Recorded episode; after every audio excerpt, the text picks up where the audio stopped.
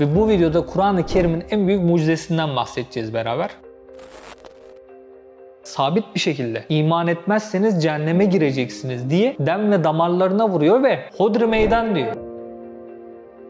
İman etmiyor musun? Bir benzerini getir o zaman.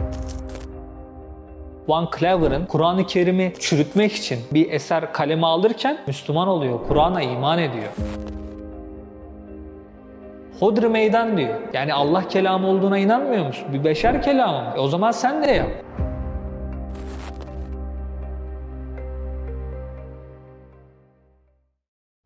Evet selamünaleyküm arkadaşlar. Bu video Kur'an mucizeleri serimizin ilk videosu ve bu videoda Kur'an-ı Kerim'in en büyük mucizesinden bahsedeceğiz beraber. Serimizin ilk videosu olduğu için aslında en önemli meseleden bahsedeceğiz. Yani bu mesele anlaşılmadan diğer meseleler şüphelere açık ya da tam oturmamış olarak kalabilir. Ama bu meseleyi tam olarak anladığımızda, idrak ettiğimizde bunun üzerine Kur'an-ı Kerim'den aldığımız her bir ders, her bir işaret, her bir bilimsel mucize bizim imanımızı artırabilir inşallah. Ama yapbozun parçaları gibi düşünün. Yapbozun büyük parçası aslında bu video. Bu videoda anlatacağımız Kur'an'ın asıl mesajı, asıl meydan okuması. Şimdi Peygamber Efendimiz Aleyhisselatü Vesselam 40 yaşında vahiy almaya başladı ve toplumuna dedi ki La ilahe illallah Muhammedun Resulullah. Yani böyle bir davada bulundu. Ve benim mucizem Kur'an-ı Kerim'dir dedi, vahiydir dedi. Allah'ın benimle konuşmasıdır dedi. Siz de bu gönderilenlere bakarak kararınızı verebilirsiniz. Yani asıl dava, asıl mucize Kur'an-ı Kerim'in kendisiydi zaten. Mucizenin vahiy olması, Kur'an'ın kendisi olmasını şöyle değerlendirmemiz lazım. Allahu Teala toplumlara elçiler, peygamberler gönderirken o toplumun kendilerine en güvendiği, en zirvede, revaçta olduğu hususlar noktasında mucizeler göndererek onların davalarını ispat etmesini, toplumları, insanları ikna etmesinde kolaylık olmasını murad etmişti. Yani Hz. Musa'nın dönemine baktığımızda sihir revaçtaydı ve Hz. Musa'nın mucizeleri de sihir yönünden geldi. Yani sihirle tüm sihirbazları alt ederek peygamberliğini ispatladı. Zaten sihirbazların pek çoğu da Hz. Musa'ya iman ettiler. Bu bizim yaptıklarımızın çok ötesinde, çok fevkinde diyerek iman etmek zorunda kaldılar. Yani onları o yönden aciz bırakmıştı. Aynı şekilde Hz. İsa'nın zamanına baktığımızda tıp revaçtaydı. Hz. İsa'nın mucizeleri de Allahü Teala'nın ona bahşetmesiyle beraber işte ölüleri diriltmek gibi, insanları iyileştirmek gibi tıp yönünden geldi. Aynı şekilde Peygamber Efendimiz Aleyhisselatü Vesselam'ın döneminde yani o zamanki Arap toplumuna baktığımızda edebiyat ve şiir zirvedeydi. Yani hayatlarının temel unsurunu birinci olarak putlar, ikinci olarak edebiyat ve şiir oluşturuyordu diyebiliriz. Yani bir devletleşme ya da ahlaki yönden zayıf olduklarını biliyoruz o zamanki toplumun ama edebiyat ve şiir onların hayatlarının temelini oluşturuyordu. Onlar kendi aralarından kahraman olarak şair çıkmalarını istiyorlardı. Yani şiir ve edebiyata o kadar değer veriyorlardı ki bir şairin hicviyle beraber, yazısıyla beraber savaş başlayabiliyordu. Aynı şekilde savaş ancak yine bu hicivlerle, bu yazılarla beraber noktalanabiliyordu. O zamanki panayırlar, şenlikler, etkinliklerde insanlar şiir yarışmaları yapıyorlardı. Ve en beğendikleri şiirleri Muallakat-ı Seba adında altınla yazıp altın yaldızlarla Kabe duvarlarına asıyorlardı. Yani edebiyat ve şiir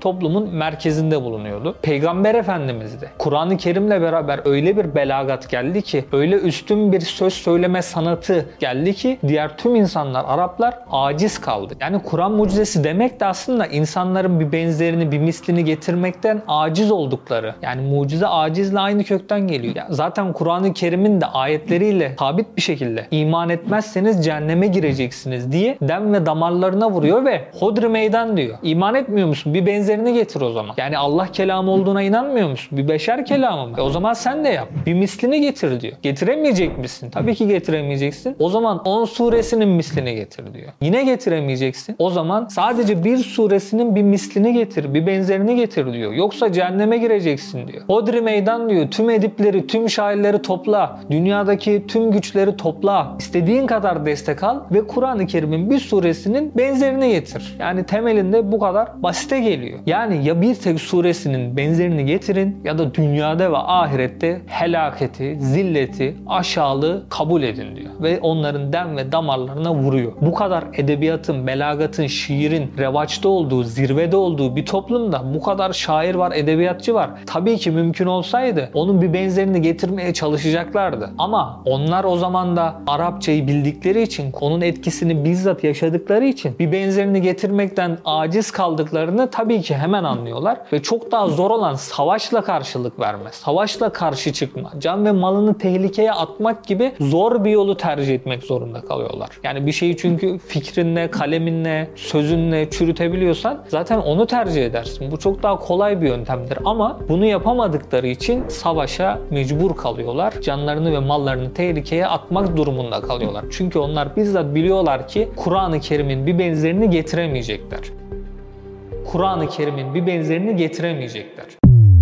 Şimdi Kur'an-ı Kerim'in tabii ki belagatı, söylediği söz, söylediği sözün üstünde anlaşılmıyor olabilir. Ya da edebiyata baktığımız zaman edebiyatın kendisi göreceli bir alan olabilir. Öznel, subjektif bir alan olabilir. Yani birisi bir şeyi güzel bulurken birisi çirkin bulabilir. Birisi buna iyi derken birisi kötü diyebilir. Yani edebi bir değeri nasıl değerlendirmemiz gerekiyor? Burada objektif bazı kıstaslar, bazı ölçüler koymamız gerekiyor tabii ki. Bu yüzden bir edebi eser amacı nedir? Önce ona bakmamız lazım. Bir edebi eserin amacı karşı karşı tarafı harekete geçirebilmektir. İnsanları etkileyebilmektir. Onlara mesajı iletebilmek, aktarabilmektir. O yüzden ne yapacağız? İnsanlarda, kitlelerde, toplumlarda oluşturduğu etkiye bakacağız. Yani halka nasıl hitap etti? Halka nasıl mal oldu? Birkaç yüzyıl içerisinde nasıl tüm dünyaya ulaştı bu hakikatleri? Bir kavmi nereden aldı, nereye götürdü? İnsanlarda, bireylerde nasıl bir etki bıraktı? Kalplerine nasıl hitap etti? Duygularını nasıl harekete geçirdi? Bunlara bakacağız tabii ki. Ya yoksa imitasyon, taklitler ayetlerle internette de The True Furkan, gerçek Furkan budur diye Kur'an-ı Kerim'in doğrudan taslağını alarak, kelimelerini değiştirerek bir benzerini getirdik, bir mislini getirdik gibi bir iddia var. Ya bu komik kaçıyor değil mi? Yani çünkü baktığın zaman yani bir edebi eserin çıktığı sahaya bakmak lazım. Yani sen nerelerde değerlendiriyorsun? Biri çıkıp dese ben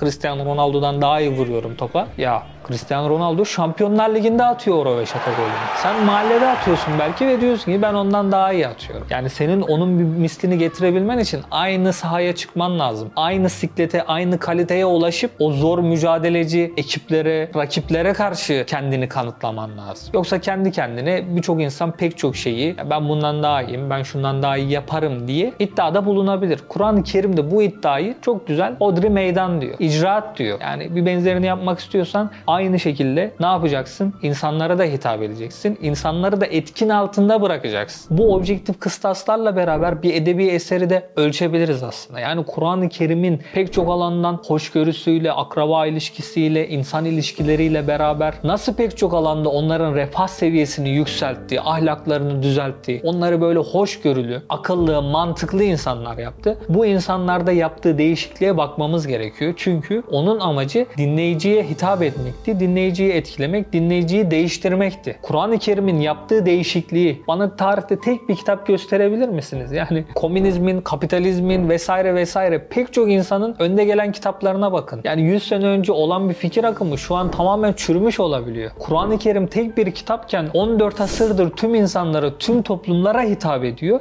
ve onlar da bu büyük değişimleri yapabilmiş oluyor. Yani bu mesajın, bu öğretinin korunmuş olması, muhafaza ediliyor oluşu, insanların hala Kur'an'la beraber hayatlarını şekillendiriyor oluşu çok kıymetli bir şey aslında. Kur'an'ın zamanla beraber erimemesi, kaybolmaması, yok olmaması, hala en güçlü sistemleri tüm ideolojilerin, tüm beşeri sistemlerin üstünde aktarıyor olabilmesi, toplumu bu şekilde yönlendiriyor oluşu, işte zekata ve faize karşı duruşu, toplumu, bireyi, yoksulu, fakiri, yetimi, çocuğu, kadını, anne baba haklarını gözeterek yaptığı etkiler. Yani bunlara baktığımız zaman Kur'an-ı Kerim'in yaptığı değişim değişimi, yaptığı etkiyi tarihte başka herhangi bir kitap, herhangi bir din yapmamıştır. Evet meseleyi daha iyi anlamak için belagat kelimesini açmamız lazım. Belagat az sözde çok şey anlatmak. Sözün düzgün, kusursuz, halin ve makamın icabına göre yerinde söylenmesi. Kur'an-ı Kerim Arap alfabesiyle aktarılmıştır. Doğru mu? Yani Arapçadaki 28 harf kullanılıyor. Yani farklı bir insan peki yazılarını yazarken hangi harfleri kullanıyor? Aynı bu 28 harfi kullanıyor. Yani malzeme aynı mı? Aynı. Ama birisi 20 28 harfle dünyanın en iyi yazısını yazabiliyorken birisi o 28 harfle hiç edebi değeri olmayan bir şey yazıyor. Yani Türkçedeki 29 harfle. Malzeme aynıyken birisi Türkiye'nin en iyi yazarı olabiliyor. En iyi eserlerini ortaya koyabiliyor. Birisi de çok kötü, kendisinden başkasının bakmayacağı eserler yazıyor. Yani aradaki belagat seviyesini bu şekilde anlayabiliyoruz. Aynı şekilde Kur'an-ı Kerim de o toplumda edebiyat ve şiirin revaçta olmasına rağmen onların hepsinden o kadar üstün bir belagatla, o kadar üstün bir anlatımla mesajlarını veriyor ki tüm Arapları, tüm edipleri, tüm şairleri aciz bırakıyor. Yani Kur'an bu Arapların kullandığı aynı kelimeleri kullanıyor. Ama bu kelimelerde öyle bir halavet, öyle bir tatlılık, öyle bir zevk var ki başka bir eserde bulmak mümkün değil. Bu husus Velid bin Muire gibi, Utbe gibi müşrik Araplar tarafından da tasdiklenen unsurlar aslında. Pek çok hadisede bunlar aktarılıyor. Mesela Velid bin Muire, Halid bin Velid'in müşrik olan, imansız bir şekilde ölen babası. Bir hadisede Peygamber Efendimiz ona Kur'an okuyor ve o da bu Kur'an-ı Kerim karşısında kalbi yumuşuyor. Yani Kur'an'ın işte insanlarda bıraktığı etkiden bahsediyoruz ya kalbi yumuşuyor ve bu mesele Ebu Cehil'in kulağına gidince Ebu Cehil Peygamber Efendimiz'e karşı Kur'an'a karşı olan nefretini söylemesini istiyor. Ve Velid bin Muire onlara karşı diyor ki ben sizin aranızda edebiyattan, şiirden, kasideden, uyaktan, kafiyeden en iyi anlayanız. Ama vallahi ben böyle bir söz daha önce işitmedim diyor. Kur'an bunların hepsinin üstündedir diyor. O zaman daha iman etmemiş Ebu Sufyan'la Ahnes kendi aralarında konuşurken ya bu beşer kelam olamaz bunun hakkında düşüncen nedir diye birbirleriyle fikir alışverişinde bulunuyorlar. Ve bu ikili Ebu Cehil'e gidip ona soruyorlar. Ya senin bu fikrin nedir yani? Hani Kur'an'dan etkileniyorlar bariz bir şekilde. Zaten Kur'an'ı hiç reddetmiyorlar. Yani metinle Kur'an'la alakalı hiçbir şey söylemiyorlar. Getirenle problemleri var. Yani getirene iman etmek istemiyorlar. Kibirlerinden ya da o zamanki statülerinden, menfaatlerinden, çıkarlarından dolayı Peygamber Efendimiz'i yani elçiye inkar ediyorlar. Yoksa Kur'an-ı Kerim'in hak olduğunu onlar da biliyor. Ebu Cehil de zaten sormaları üzerine bunu söylüyor. Biz Haşimoğullarıyla yarış içerisindeyiz. Onlar bağışta bulunur, biz bağışta bulunuruz. Onlar bir alanda öne çıkar, biz öne çıkarız. Şimdi onlar diyor ki bizim aramızdan bir peygamber çıktı. Biz buna nasıl karşılık vereceğiz diye. Yani bütün bütün bu davayı Peygamber Efendimiz'i inkar etmek durumunda kalıyor. Sabaha kadar kendileri dinliyor. Kur'an-ı Kerim'in getirdikleriyle onların kalbi yumuşuyor. Onlar bir benzerini getiremiyorlar. Bir benzerini getirmekten aciz bir şekilde canlarıyla, mallarıyla savaşmaya mecbur kalıyorlar. İşte müşrikler böyle düşünürken Muallakat-ı Seba denilen 7 şiirin altınla Kabe duvarlarına asılıyor olması Kur'an-ı Kerim'in gelmesiyle beraber yerle biri olmuştu. Lebid'in kızı Kabe duvarından o dönemin şiirlerinden birini çıkarırken ayetlere karşı bunların bir değeri, bir hükmü kalmadı diyordu. Öyle ki Bedevi bir Arap Festa bima tümer emrolunduğun şeyi beyan et ayetine karşı secde ediyor. Ona soruyorlar sen Müslüman mı oldun diye. Hayır diyor ben bu ayetin belagatına secde ediyorum diyor. Hayretini bu şekilde dile getiriyor. Yani o zamanın tüm halkı bu duruma şahit oluyor. Kur'an-ı Kerim'in yaptığı etki ortada. Şu anki inanmayanlar için de geçerli. Bir benzerini yap ama bir benzerini yapman gerekiyorsa ne yapman lazım? O zamanın müşrikleri Kur'an-ı Kerim'in verdiği gaybi, istikbale geleceğe dair haberlerden bir haberdi. Bilmiyorlardı bunu. Bilimsel mucizelere işaretlerini bilmiyorlardı. Sen şu an biliyorsun. Kur'an-ı Kerim'in evrenin genişlemesinden, Big Bang'ten, pek çok bilimsel tarihi mucizelerinden, gelecekten verdiği haberlerden haberdarız hepimiz. Sen eğer bir mislini benzerini getirmek istiyorsan sen de gelecekten haber vermen gerekiyor. Ve şu anki gördüğümüz olgularla bizi şaşırtacak, bizim inanmadığımız şeyleri söyleyeceksin ve zamanla doğru çıkacak bunlar. Şu zamanki insanları da etki altına alman gerekiyor. İnandırman, davanı ispat etmen gerekiyor. Yani bu işte zaman ilerledikçe Kur'an gençleşiyor diyoruz ya. Kur'an-ı Kerim'in pek çok manasını biz anlıyoruz. Pek çok manasını daha iyi anladıkça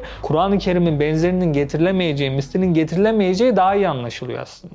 Kur'an-ı Kerim'in bir açık manası vardır, bir de işari manası vardır. Yani Kur'an-ı Kerim pek çok mevzuya doğrudan değinmez de işaret eder. Yani kelimesiyle, kelime seçimiyle, harf seçimiyle, Kur'an mucizeleri noktasında, bilimsel mucizeler noktasında tartışmalar çıkmasından nedeni de bu. İşari manalarla çıktığı için yani eski tercümelerde şu anki bilimsel mucizelerin değinilmemiş olması, o zamanki insanların, müfessirlerin bunu anlamamış olması çok normal. O zamanki insanların algısı, o ayetten nasibi, payı farklıydı. 2023 yılındaki, 21. yüzyıldaki bilimsel teknolojiyle iç içe bir insanın, bir gencin Kur'an-ı Kerim'in bir ayetinden anladığı mana, ona verilen mesaj farklı olabiliyor ve devamlı gelişebiliyor. Bu manalar artabiliyor. Çünkü sen kainatı daha iyi anlamaya başlıyorsun. Daha iyi gözlemlemeye başlıyorsun. Daha iyi deneyimlemeye başlıyorsun ve ayetlerdeki manalar da sana daha fazla hitap edebiliyor. Daha fazla açılabiliyor. Ve emin olun bu önümüzdeki 10 yıllar, 100 yıllar içerisinde daha pek çok fenomen, daha pek çok olguyu bilimle beraber, bizim gözlemlerimizle beraber Kur'an-ı Kerim'le de destekleyeceğiz. 1400 sene öncesinden Kur'an'ın onlara nasıl işaret ettiğini, nasıl selam çaktığını anlayacağız aslında. Bir de şu mesele de ilginç. Yani biz edebi eserlerimize, kitaplarımıza baktığı zaman bu kitapların son halini görüyoruz değil mi? Yani onu meydana getirmek için uğraşan insanlar aylarca, yıllarca belki bir, bir çabaya, bir uğraşa giriyorlar ve ancak en son düzenlemesiyle beraber biz nihai halini görüyoruz. Hatta ilerleyen baskılarıyla beraber düzeltmeler, değişmeler dahi yapılıyor. Yani bir insan mesela bir şey yazıyor, sonra hoşuna gitmiyor, onu tamamen çıkarıyor. Ya da ekliyor ya da değiştiriyor. Ama Kur'an-ı Kerim Peygamber Efendimizin ağzından çıktığı anda nihai halinde, son halindeydi ve edebiyatça zirvede, belagatça en üstün mertebedeydi. Yani sonradan değiştirmek, ya şu anlatım zayıf olmuş ya da şurada bir hata var, şu kelime şu harf tercihi daha iyi olurdu diye bir şey söylemek mümkün değil. Yani beşer kelamıyla Kur'an-ı Kerim arasındaki farkları anlayabiliyor muyuz yani biraz olsun? Aristo'ya baktığımız zaman dünyaya şu ana kadar gelmiş en önemli insanlara, en önemli bilim adamlarına baktığımız zaman Newton, Einstein bunların bazıları tamamen çürütülmüş, bazıları değişmiş. Einstein zaman içerisinde fikrini değiştirmiş. Peygamber Efendimiz'den böyle bir şey mümkün mü? Ayetle bir şey söylüyor, hadisle bir şey söylüyor sonra değişiyor. Böyle bir şey mümkün değil işte. Kur'an-ı Kerim'in okunmasındaki güzellik, okunmasındaki rahatlık, insanın kalbine, ruhuna verdiği huzur. Ya düşünsenize Kur'an-ı Kerim'i yıllardır okuyoruz. Her namazda okuyoruz, sürekli duyuyoruz. Her rekatta Fatiha suresini okuyoruz ve Fatiha'dan hiçbir zaman sıkılmıyoruz. En beğendiğiniz şarkıyı düşünün. En güzel kitabı düşünün. Birkaç okumadan, birkaç dinlemeden sonra soğuyabilirsiniz. Ondan biraz uzaklaşmak isteyebilirsiniz ama Kur'an-ı Kerim kalbimize, ruhumuza öyle bir hitap ediyor ki, bizlerin fıtratına öyle uygun ki, öyle bir belagatı, öyle güzel bir söylemi, öyle güzel bir tınısı var ki ne oluyor? Arapça bilmeyen insan dahi hayret ediyor ya. Aynı şekilde Tuvan Turut kanalımızda 2 milyonu geçen bir videomuzda 3 büyük kitabı, 3 semavi kitabın okunmalarını koymuştuk. En sonunda Kur'an-ı Kerim var ve videoya dünyanın her yerinden insan yorum yaptı ve gerçekten %95'i Kur'an-ı Kerim'in okunduğunda verdiği insana huzurdan, rahatlıktan, mutluluktan onlar bahsediyorlar. Bir ezan sesiyle hayrete kapılan, bir Kur'an'ı duymasıyla hayrete kapılan pek çok kardeşimiz, pek çok insan var. Son zamanlarda Müslüman olmuş, Bobby's Perspective diye zamanla Müslüman videoları, Kur'an mucizeleri videosunu izlerken, onlara tepkiler, reaksiyonlarda bulunurken Müslüman olan bir kardeşimiz var. Aynı şekilde Hollandalı milletvekili Van Clever'ın Kur'an-ı Kerim'i çürütmek için, yanlışlığından bahsetmek için bir eser kaleme alırken Kur'an-ı Kerim'le bizzat muhatap oluyor ve sonrasında devam eden süreçte Müslüman oluyor. Kur'an'a iman ediyor. Yani bunların sayısı pek çok. Gerçekten bildiğimiz ve bilmediğimiz pek çok Müslüman olan kardeşimiz var. Ama bunda ön yargıları, bu at gözlüklerini, siyah taktığımız, karanlık taktığımız o gözlükleri çıkarmamız gerekiyor. Yani senin nefsinin hoşuna giden ya da şu zamanın modernitenin algılarına göre değil. Kur'an ne diyor? Baştan sona ne anlatıyor? Buna bir bakmak gerekiyor bu meseleyi anlamak için. Üstad Hazretleri Sözler kitabının 25. söz bölümünde Kur'an-ı Kerim'in ne olduğu, bunun mucizeliği, mucizevi yönlerini çok güzel bir şekilde kaleme almış. Oraya da mutlaka başvurmanızı öneriyoruz. Yani bu birinci videomuzdan Kur'an-ı Kerim'in belagatı, asıl mucizevi yönünden bahsettik ya. Bizim anlatmaya çalıştığımız meselelerden birisi bu Kur'an-ı Kerim'i basit bir roman gibi, basit bir eser gibi oku geç, işte mealine bak geç gibi anlamamamız gerektiği, sürekli üzerine yoğunlaşmamız, derinliğine inmemiz gerektiğini anlatmak istiyoruz aslında. Bunu anlatırken sürekli okuyan insanlara da bizlere de her ne alanda iş yapıyorsak, meslek icra ediyorsak o gözlerden de bakabilmek. Kainatı sorgularken kainatta gördüklerimizle Kur'an'ı tekrar bağlayabilmek, anlayabilmek. Yani daha üzerine düşmemiz gerektiğini, bununla dertlenmemiz gerektiğini sizlere de, bizlere de, sorgulayan, düşünen kardeşlerimize de bu mesajı vermek istiyoruz aslında. Bugün Kur'an-ı Kerim'in esas mucizesinden, belagatından bahsetmiş olduk. Bu temelle beraber inşallah bundan sonraki videolarımızda da Kur'an-ı Kerim'in farklı farklı açılardan, farklı farklı perspektiflerden, yönlerden mucizelerini değerlendireceğiz. Bu serimizdeki gelecek videoları da izleyerek inşallah siz de inancımızı, imanımızı pek çok yönden kati hale, hüccetlerle, delillerle destekleyerek, Kur'an'ı daha iyi anlayarak, daha iyi okuyarak, daha iyi hayatımıza yansıtarak, Kur'an'i bir ahlakla yaşayarak inşallah bizler de bu şekilde amel edebiliriz. Bundan sonraki videolarımızda görüşmek görüşmek üzere. Selamünaleyküm. Osman Sungur Yeker'in yeni çıkan Hadi İnşallah kitabını Nüve Pazar, DNR ve kitapyurdu.com'dan satın alabilirsiniz.